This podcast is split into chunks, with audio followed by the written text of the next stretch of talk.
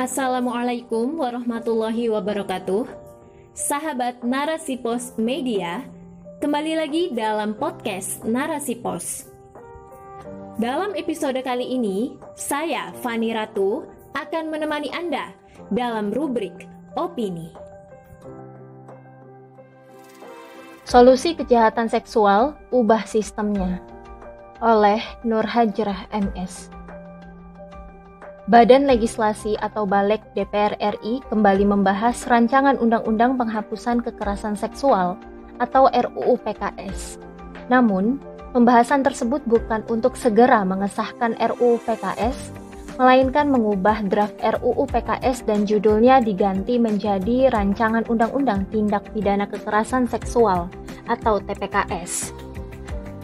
Sebelumnya, RUU PKS merupakan salah satu program legislasi nasional prioritas 2020, namun RUU ini tidak kunjung disahkan padahal telah memasuki prolegnas 2021.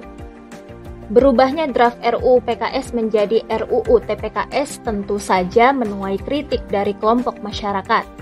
Pasalnya, keputusan balik bukan hanya mengubah judul draft dari RUU PKS menjadi RUU TPKS, melainkan juga menghapus 85 pasal dan 5 jenis kekerasan seksual yang terdapat dalam RUU PKS.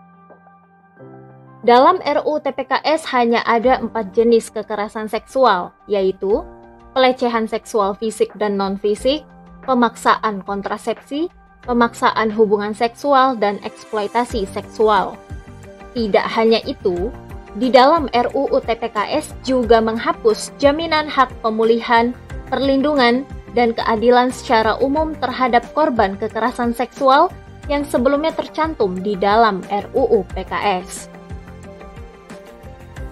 Tujuan diubahnya judul RUU tersebut oleh badan legislatif adalah agar para aparat penegak hukum dapat lebih mudah menegakkan hukum atas kasus kekerasan seksual. Willy Aditya, selaku Wakil Ketua Balik DPR mengatakan pergantian judul draft tersebut sudah melalui diskusi yang melibatkan berbagai elemen masyarakat, termasuk Komnas Perempuan dan juga Majelis Ulama Indonesia. Menurut WHO, Kekerasan seksual adalah perilaku yang dilakukan menyasar pada organ seksual seseorang dengan unsur paksaan atau ancaman. Kekerasan seksual adalah salah satu tindakan kejahatan yang jumlah kasusnya cukup tinggi di Indonesia. Dilansir dari antaranews.com, pada tahun 2020, kasus kekerasan terhadap perempuan dan anak mencapai 7.191 kasus.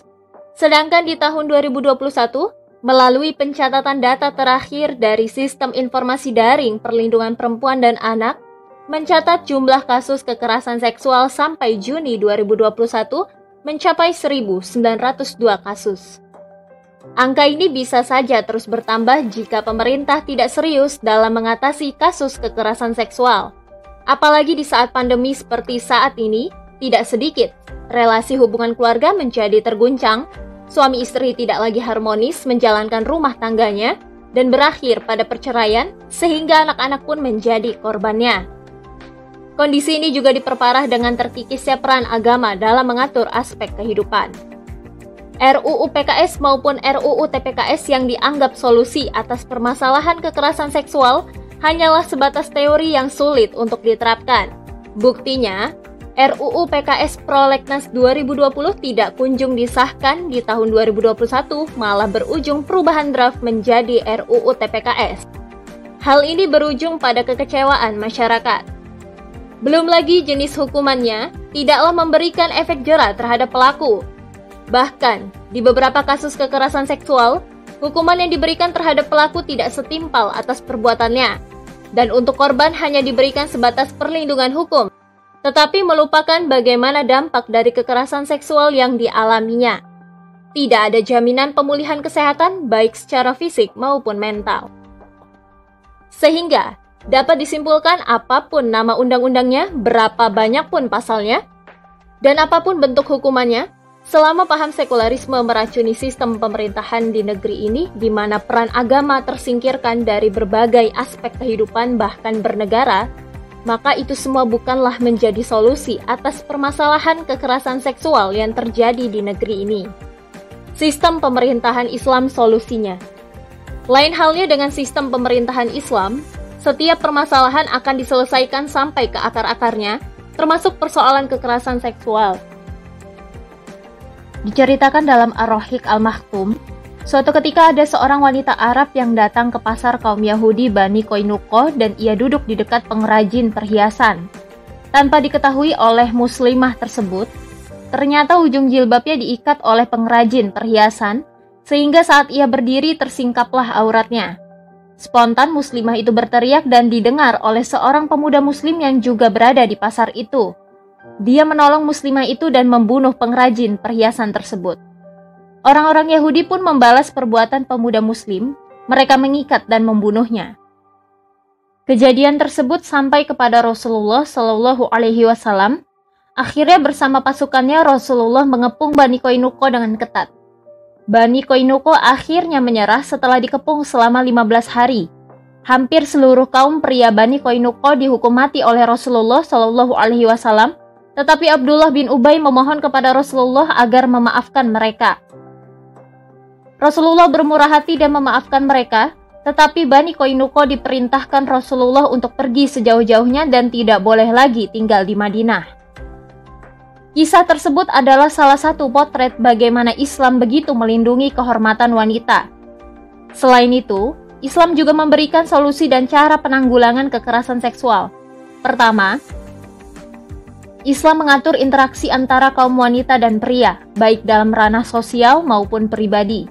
Akidah Islam adalah dasarnya. Setiap muslimah diwajibkan untuk menutup auratnya. Sebab, munculnya kekerasan seksual bisa terjadi karena adanya rangsangan dari luar atau gorizatun nau. Dalam ranah sosial, interaksi antara wanita dan pria hanya diperbolehkan dalam ranah-ranah yang betul-betul membutuhkan interaksi, seperti dalam lingkup pendidikan atau sekolah, kesehatan atau rumah sakit, ekonomi atau pasar. Kedua, hukuman yang diberikan dalam syariat Islam sangat tegas dan memberikan efek jerah bagi setiap pelakunya. Bahkan orang yang melihat hukuman tersebut akan takut untuk melakukan perbuatan yang sama. Contohnya, jika pelaku belum menikah, maka pelaku akan dihukum cambuk 100 kali dan diasingkan.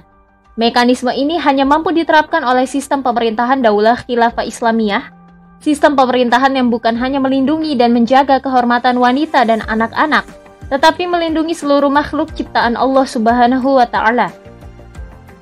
Sistem pemerintahan yang mampu menyelesaikan dan mengatasi problematika kehidupan, termasuk masalah kekerasan seksual. Wallahu a'lam bishawab.